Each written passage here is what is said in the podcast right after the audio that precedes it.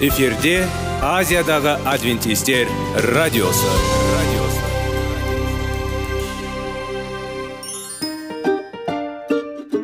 Сәлем достар. Денсаулық өмір бұлағы және біздің бірінші байлығымыз демекші денсаулық сағаты рубрикасына қош келдіңіздер. Біздің рубрикада біз әртүрлі факторларменен мәліметтерменен кеңестерменен бөлісіп шын жүректен сіздердің дендеріңіз сау болғанын қалаймыз. Сол үшін біздің рубрикаға қош келдіңіздер. Дайындалып тұрыңыздар. Өйткені келесі минуттарда қызықты фактілерге ие боласыздар. Енді достар ең бірінші байлығымызды қолымызға алып алға кеттік.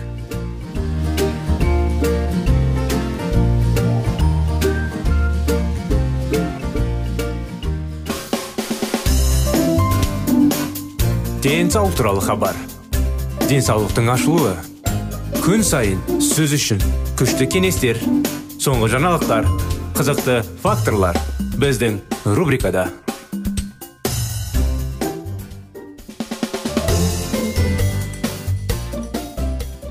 достар құрметті тыңдаушыларымыз біздің денсаулық сағат бағдарламамызға қош келдіңіздер армысыздар ассалаумағалейкум қытай зерттеулер тақырыбын біз сіздермен бірге ары қарай жалғастыра кетеміз сіздің таныстарыңыздың арасында үнемі жаңа піскен жемістер көкөністер мен дәнді дақылдарды жейтін және ет немесе чипсы фри және шоколад барлары сияқты фастфуд өнімдерін сирек немесе мүлде жейтін адамдар бар ма? Олардың салмағы қандай? Егер сіз осындай көптеген адамдарды білсеңіз олардың дене салмағының қалыпты екенін байқаған боларсыз. Енді бүкіл әлемдегі дәстүрлі мәдениеттерді еске түсірейік. Азиялық мәдениеттерді қытай жапон үнді алайық. Оған сәйкес бірнеше миллиард адам бірнеше мың жыл бойы негізінен өсіп келе жатқан өнімдермен қоректенеді. Бұл мәдениеттердің өкілдерін елестету қиын. Кем дегенде соңғы уақытқа дейін жұқа емес. Енді екі хот догты сатып алып бейсбол матчындағы екінші sıраға тапсырыс берген жігітті немесе жергілікті фастфудта чизбургер мен фри жейтін әйелді елестетіп көріңіз. Сіз бұл адамдарды басқалармен елестетесіз. Сол емес пе? Өкінішке орай хот дог жаңағындай жеп оны сырамен ішкен жігіт тез замандастың ұжымдық бейнесіне айналады. Ондай адамдар көп. Бұл мәселені шешу үшін сиқыр немесе күрделі теңдеулер қажет емес. Қан тобын анықтаудың көмірсуларды есептеудің немесе құндылықтардың қайта бағалаудың қажеті жоқ. Достарыңыздың қайсысы? Салынған белсенді және сау. Ал кім жоқ екенін байқаңыз. Немесе кейбір ғылыми зерттеулердің нәтижелерінде сеніңіз. Ауқымды және онша емес. Вегетарианшылар мен вегетарианшылар ет өнімдерін тұтынатын адамдарға қарағанда жұқа екенін көрсетеді. Осы зерттеулерге сәйкес вегетарианшылар мен басқа салмағы орташа алғанда олардың басқа отандастарына қарағанда екіде он үш алты килограмм аз жетіде он үш. Артық салмақпен ауыратындарға бір интервациялық зерттеу кезінде. Негізінен құрамында май мөлшері аз өсімдік өнімдеріне тұратын кез келген мөлшерінде тамақ жеуге рұқсат етіледі. Үш аптадан кейін бұл адамдар орташа есеппен жетіде жеті килограмм салмақ жоғалтты. Ұзақ өмір сүру орталығында үш апталық бағдарламадан өткен 4500 пациент. Осындай нәтижелерге қол жеткізді. Олар негізінен өсімдік тамақтармен тамақтану және физикалық ынталандыру арқылы анықталды. Жаттығу олардың клиенттері үш апта ішінде салмағын бесте бес пайызға төмендеді. Басқа интервациялық зерттеулер бойынша жарияланған нәтижелер. Құрамында май мөлшері аз негізінен тұтас өсімдік өнімдерімен қоректену төмендегені туралы куәландырады. Барлық нәтижелер бүкіл өсімдік өнімдерімен тамақтану салмақты азайтуға және оны тез жасауға көмектеседі деп болжайды. Мен жалғыз сұрақ қоямын. Қанша салмақ тастауға болады? Көптеген зерттеулерде артық салмақ көрсеткіштері ең жоғары болған адамдар жоқ. Жаңағындай салмақ көрсеткіштерге қарағанда күшті. Алғашқы жеңілдіктен кейін диетаны ұстануды жалғастыра отырып салмақты ұзақ уақыт бойы қалыптасу ұсынады. Ең бастысы мұндай салмақ жоғалту денсаулықты ұзақ уақыт сақтауға көмектеседі. Әрине кейбіреулер өсімдік диетасын ұстануы мүмкін және салмақ жоғалтпауы мүмкін. Яғни бірнеше жақсы себептер бар. Бірінші және ең бастысы өсімдік негізіндегі диетаны ұстанған кезде салмақ жоғалту. Егер диетада тым көп тазартылған көмірсулар болса ықтималдығы аз болады. Тәттілер пісіру және паста емес сізге көмектеседі. Салмағын төмендету бұл тағамды тез сінетін қант пен крахмал көп ал пісіруден жаймай. Бұл табиғи емес тағам салмақты азайтуға және денсаулықты жақсартуға көмектесетін өсімдік негізіндегі диетаның бөлігі бұл мен жиі қайталатын негізгі себептердің бірі. Оңтайлы диета тұтас өсімдік өнімдердің тұрады. Қатан вегетариандық диета және тұтас шөптік тағамдармен тамақтану әрдайым бірдей бола бермейтініне назар аударыңыз. Кейбіреулер вегетарианшы бола отырып тек етті сүт өнімдерімен алмастырады. Тазартылған дәндерден жаңағындай макарон өнімдерін тәттілер мен кондитер өнімдерін қоса алғанда майлар мен тазартылған көмірсулардың тұтынылуы арттырады. Мен мұндай адамдарды суррогат вегетарианшылар деп айтайын. Өйткені олардың диетасын пайдалы деп айтуға болмайды. Салмақ айтарлықтай төмендемейтін екінші себеп физикалық белсенділіктің болмауы. Тұрақты жаттығулар өте жақсы нәтиже бере алады. Үшіншіден кейбіреулер артық салмаққа тұқым құлайтын бейімділікке ие болуы бұл олардың қиындықтарын қиындатады. Егер сіз осындай адамдарға жататын болсаңыз онда сіз диетаны мұқият ұстаныңыз. Өзіңізге физикалық белсенділік беруіңіз керек деп айта аламын. Біз қытайдан ауылдық жерлерінде ешкімнің артық салмақ жоқ екенін байқадық. Дегенмен батыстағы қытайлық иммигранттар семіздіктің құрбаны болады. Генетикалық бейімділігі бар кейбір адамдар үшін. Тіпті аз мөлшерде қажетсіз тамақ артық салмақ қиындықтары әкелуі мүмкін. Осындай анықтама бүгін сіздердің назарларыңызға достар. Бізбен болғандарыңызға рахмет. Бағдарламамыз аяғына келіп жетті. Жалғасын келесі жол жалғастырамыз. Келесі бағдарламаға дейін сау болыңыздар.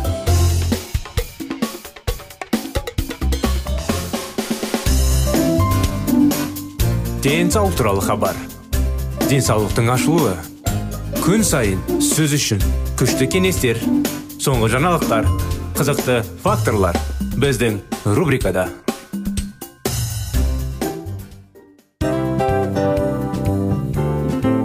Әуелі байлық денсаулық екінші байлық он саулық үшінші байлық ақ жаулық. Ал енді осындай радио парақшадан кейін не дейміз? Барлықтарыңызға денсаулықтарыңыз зор болсын деп тілейміз.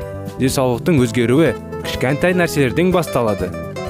Осымен біз берген кеңестер мен мәліметтер шын жүректен сіздер үшін қандай да бір болсын жәрдем берді деп үміттенеміз. Тыңдаушыларымызбен келесі радио парақшасына дейін қоштассамыз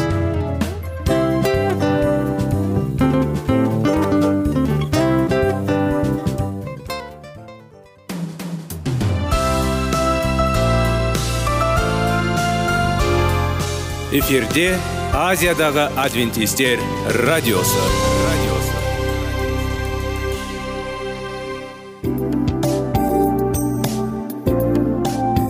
Сәлем достар.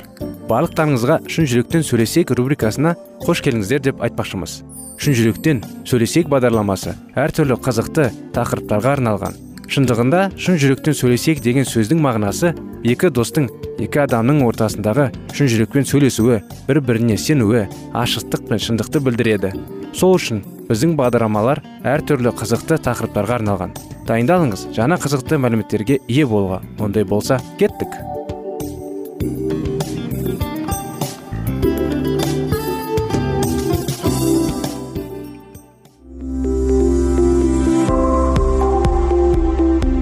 алтын сөздер. Сырласу. Қарым қатынас жайлы кеңестер мен қызықты тақырыптар. Шын жүректен сөйлесейік рубрикасында.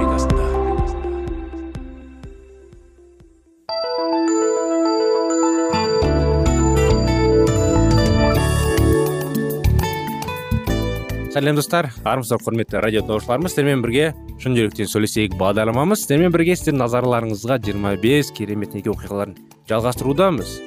Туысқандардың бақылауы туысқандар көбінесе жаңадан үйленген екі жаса байқалды. Алайда кейде көптеген бері бірге тұрғандардың ерлі зайыптылардың өмірінде де бақылауға алынады. Жұбайлар және олардың әке шешелерінің арасында түсінбеушілік пен келіспеушілік болғанда екеуі де өмір бойы жақсы білетін өз туыстандарын жақтайтын сөзсіз. Біздің барлығымыз әке шешемізді сүйіп оларға құрмет көрсетуіміз керек. Бірақ егер тіпті сіз әке шешеңіздің ақыл кеңесін тыңдаған болсаңыз жаңа ғана үйленген кезде алдымен олар емес жұбайыңыз бірінші орында болу керек. Үлкен ұлымыз үйленер алдында мен оған эдисон балам сен менен ақыл кеңес сұрағанда ғана соны беретін боламын. Өз өміріңе араласып басқармаймын. Сен өз отауыңды құрып өзің шешім қабылдайтын боласың деп айттым. Эдисон менің осындай шешім қабылдағаныма риза болып керек кезде мені ақыл кеңес сұрайды. Ұлымды бақылауды немесе өзіме ұқсатуды ешқандай қалау жоқ. Құдай оны қандай адам болғанын қаласа да мен де оның осындай болғанын қалаймын. Егер мен өміріме тым көп араласа берсем онда мен оған отбасыға отағасы болуға кедергі жасайтын боламын. Шын айтқанда мен оның үйін қалай басқарып тұрғанын қатты ұнатамын. Ол мұны менен одан жақсы істейді. Келі жазба бізге нақты айтады. Сондықтан еркек әке шешесін тастап өзінің әйелін қосылып сөйтіп бір тұтас болады дейді. Әке шешені тастау деген олардың билігіне шығып кету. Бұл ата анасының өз балаларына жаман әсерінен азат болу біздің әке шешемізді сыйлауымыз керек болса да оларға мойынсұнуға қажеті жоқ.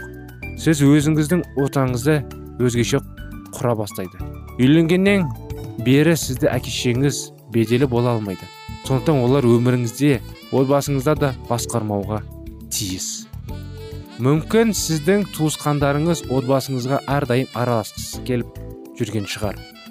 Бірде бір туысымыз біздерде бақылап арамызда алауыздақ тудырады. Оның біздің отбасымызға араласқаны жаман әсер етіп сол күні тоқтатуға батылымыз жетпеді. Ақырында бір күні біз онымен кездестік те оған өзіміздің пікірімізді анық айттық. Дегенмен біз оның адам ретінде бағалап сыйладық. Мен оған былай дедім. Біздің үйімізде бізге бұйрық беруге ешкім рұқсат берген емес.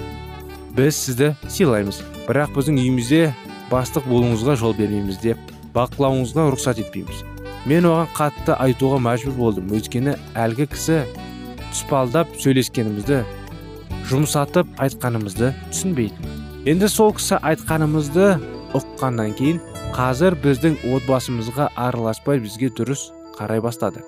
Біз отбасымызды кез келген шабуылыңа олай болса тіпті өз жақын адамдар мен туыстарымыздың қарасамыздан қорғауымыз керек. Көбінесе осы туысқандарымыздың араласқаның бізге көмек тесуге ниет етеді.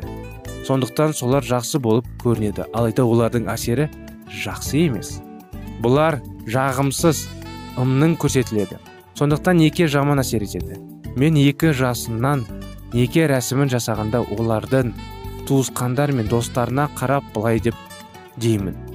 Құдай қосқан осы некеге қарсы шығатындар кісілерге қалады.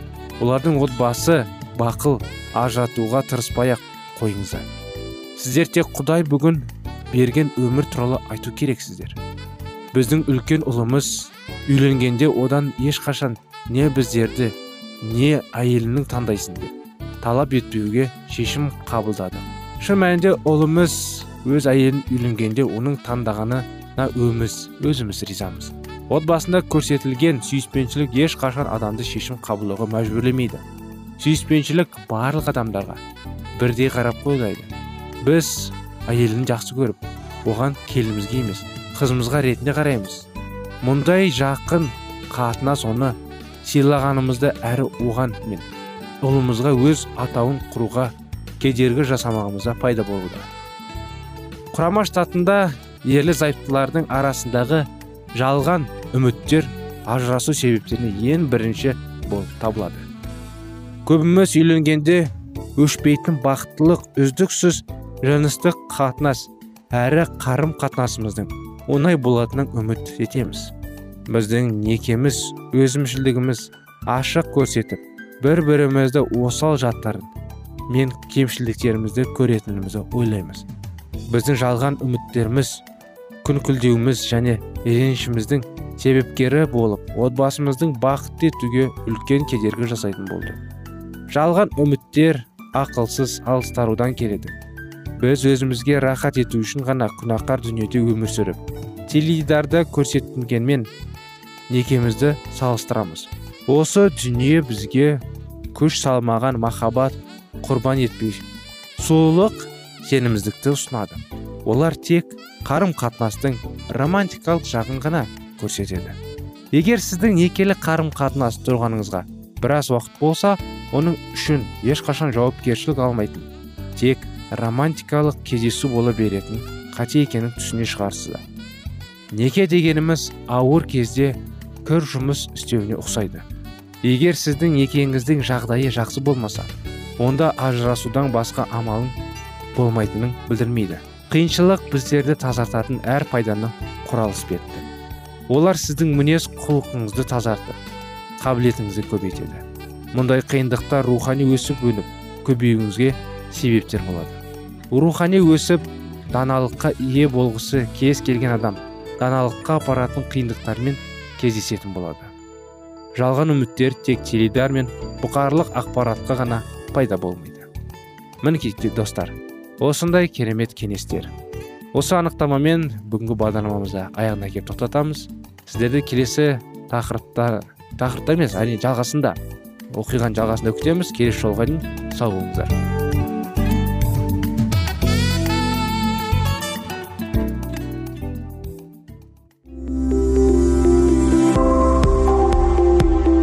Алтын сөздер. Сырласу. Қарым қатынас жайлы кеңестер мен қызықты тақырыптар. Шын жүректен сөйлесейік рубрикасында.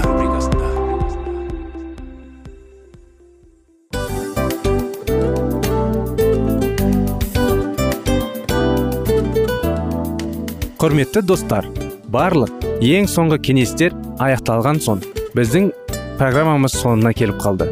Осы біздің мәліметтер осы рубрикада айтылған әрбір сөздер сіздерге өзінің қандай да бір пайдасын алып келді деп шын жүректен сенеміз.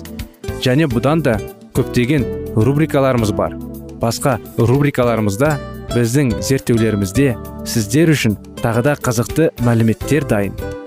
Біздің шын жүректен сөйлесейік парақшамызда көптеген әдістер ең соңғы кеңестер адамның нравственность жақтан моральдық жақтан тазалап байыта тұрған соңғы кеңестердің барлығын жанарады.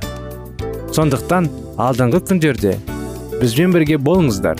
Өйткені барлық қызықтар алдыда. Бізбенен бірге болғандарыңызға үлкен рахмет. Келесі кездескенімізше сау сәлемет болыңыздар.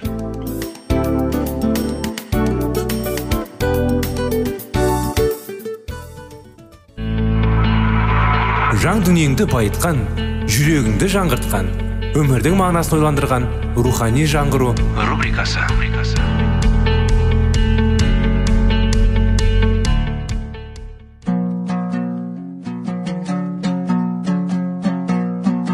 Ассалаумағалейкум біздің тыңдаушыларымыз. Келі кітаптың шындығын ашып берген қысқа бағдарламасына қош келдіңіздер. Барлығынан жоғары жаратушы біздің қарыңғылықта жалғыз қалдырып қойған емес. Өйткені ол келешекте не болу керек екенін киелі кітаптың парақтарында ашып береді. Немесе келіңіздер бізге қосылыңыздар. Жаратушы бізге нен ашып бергенін зерттейміз. Жоғарғы жақтан келетін батаға ие болғысы келетін бірақ оның шарттарына бағынғысы келмейтін имандылық бұл алдамшы. Озбыр түрде құдайға емес өзіне сенім арту деген сөз. Ал алланың сөзі бойынша адамға сенген адамды. Лағанат атсын делінген. Құдай заңның бір бабын бұзған адам киелікке ешқашанда жете алмайды. Алдын ала ойластырылып қойылған күнә киелі рухтың дауысын естіртпейді және адамның жанын құдайдан алсатып жібермейді. Күнә дегеніміз заңсыздық ал күнә жасайтындар құдайды танымайды. Жохан пайғамбар өз кітабында сүйіспеншілік жайлы көп жазды. Дегенмен тақуамын дей тұра құдай заңын бұзатындардың ол еш бұлтыраусыз әшекейлейді. Кімде кім мені құдайдың танымайды деп тұра? Оның заңын орындамаса сол адам өтірікші. Ал құдайдың таңдайтын адамның бойынан шынымен киелінің махаббаты көрініп тұрды. Осы жерде әрбір пенденің сенімі сынаққа түседі. Жердегі де көктегі де пәктікте жалғыз ғана өлшеуші құдайдың қасиеттілігімен сынаққа түспеген адамның тазалығы жайлы сөз айту мүмкін емес. Құдай заңның талаптары жеткілікті деңгейде бағаламайтын заңның бір бабын болса да бұзып солайша басқаларға үйрететіндер. Құдайдың батасының жұрдай қалады. Олардың назарларының негізгі жоқ. Қарсылықтары қабылданбайды. Өзін күнәсізбен деп санайтын адам қасиеттіліктен өте алыс. Күнә жайлы да пәктік жайлы да ештеңе білмейтін адамда ғана осылай сөйлейді.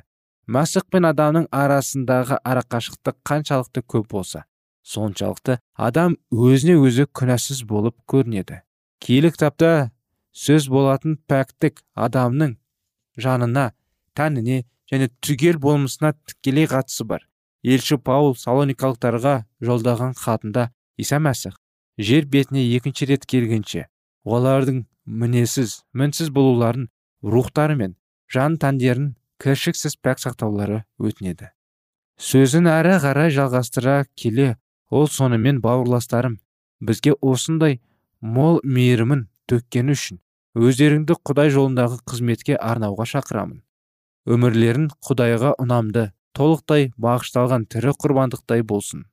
Ежелгі израильдіктердің заманында құрбандыққа шалынатын мал мұқият тексерістер өтетін болған. Жануардың мүшесінде кемістігі болса ол құрбандыққа жарамаған. Өйткені құдай пендесін кемістексіз құрбандықты талап етеді. Дәл сол секілді құдайға сенетін адамдардың да мінездерінде ешқандай кемшіліктері болмау керек. Ол үшін адам өзін күтіп ұстағаны дұрыс болады. Күші мен ой парасатын әлсіретіп жіберетін жаман қылықтардан аулақ жүргені жақсы өйткені олар адамды құдайға қызмет етуге жарамсыз қылып тастайды. Егер де келіспесеңіз тәжірибе жасап көріңіз. Өмір мектебі үйретеді. Мәсіх иса құдайынды бар жүрегімен шын ықыласымен жақсы көр дейді. Құдайдың шынымен жақсы көретіндер оның дегенінің мүтіксіз орындайды. Рухында жаныңда тәнін таза сақтап оған өмірлерімен қызмет етеді. Құдайды шын жақсы көретіндер ессіз құштарлықпен қажетсіз қомағайлықпен жаның ластамайды. Жандарында қарсы тұратын жаман халықтардан аулақ болыңдар дейді петр. Кез келген ләззат адамның рухани жағынан әлсіретіп жібереді. Ондай адамның құдайдың дегенін орындайтын қабілеті нашарлайды. Павыл қорындықтарға жазған хатында жандарында қоқыстан тазартыңдар құдайдан қорқыңдар сонымен қоса киелі рухтың жемістері махаббат қуаныш бейбітшілік шыдамдылық нәзіктік момындық сенім және мойынсынуға пайғамбар ұстанымдылықта қосады. Осы айтылған ескертулерге көңіл аудармай. Көптеген мәсіхшілер дүниеқорлыққа сәнқойлыққа ашқарлықтыққа маскүнемдікке салынып ол аздай басқа да жаман қылықтарға жақын тұрады. Ал шіркеу болса осыны көре тұра тыйым салғаның орнына. Қазынасын толтыру мақсатында оларды қолдайды. Өйткені ол жүректегіндегі бос орынды. Құдайдың махаббатымен толықтыруға қабілетсіз болып қалған. Мұның басты себебі сүйіспеншіліктің жетіспеуі. Осындай шіркеуге иса мәсіх қазіргі кезде келген болса біреуін де қалдырмай барлығын қауып шыққан болар еді. Елші паул көктен келетін даналық таза деп жазады. Егер ол демінен темекінің иісі бұрқырап тұрған таза емес ауызымен құдайдың атын айтатын масшілермен кездескен болса оның шайтанның құлы деп жазғырған болар еді. Бейіш бағына кіреміз дейтін ондай үміткерлерге киелі жазба. Ал армандардың жексұрын істер жасайтындардың және жалған сөйлейтіндердің ешқайсысы да құдай патшалығына кірмейді дейді. Әлде денелердің киелі рухтың мекендейтін ғибадатханасы екенін білмеп пе едіңдер? Сендер құдайдың қабылдаған киелі рух бойларынан орын алды. Енді сендер өз меншіктерінде емессіңдер. Еміс сендерді үлкен күн төлеп күнәнің құлдығынан азат етті. Ендеше денелермен құдайдың даңқын арттырыңдар. Кімнің жүрегі құдайы рухы мекендейтін киелі үй болса сол адам жандық аталуға жақындамайды. Керісінше ол барлық үшін аллаға қызмет етуге жұмсайды. Өзіне сеніп тапсыратын қазынаны қалай бола салай шыққан? Адам кінәлі болмай ма? Өздері мәсіхшілерміз деп есептейтін жандардың көпшілігі маңайындағыларды құдай өзін естімей өліп жатқандарына қарамастан ақшаларына керексіз дүниелерге ойын сауықтыруға той думандарға жұмсайды. Осылайша ізгі хабардың тарауларына тиісті қаражат олардың неше түрлі кесірлі әдеттеріне жұмсалады. Олар құдайды бітір садақалармен де тонайды. Егер исаның ізбасарлары қаражаттарын не болса соған жұмсамай құдайға қызмет етуге жұмсаған болса онда олар мынау дүниеге жарық әкелуші шырақтармен бірдей болар еді. Бар әлем неше түрлі ойын суық пен тәндерін қанағаттандыру жолына түсіп кетті. Тәннің талабы көрсе қызарлық менменшілдік өркөктіктік тоймыссыздық мінекей қазіргі адамдар осындай әдеттермен қаруланып алған. Ондай ортадан шығатындар бөлініңдер оларға жұғыспаңдар дейді алла. Күнәқар әдеттердің арылмайынша адам таза шынайы болып саналмайды. Ал жоғарыда айтылып кеткен құдайдың ұсынысын қабыл алатындарға. Ол мен сендерді қабылдаймын сендердің әкелерің боламын. Ал сендер менің ұлдарым мен қыздарым атансаңдар деген уәде берді.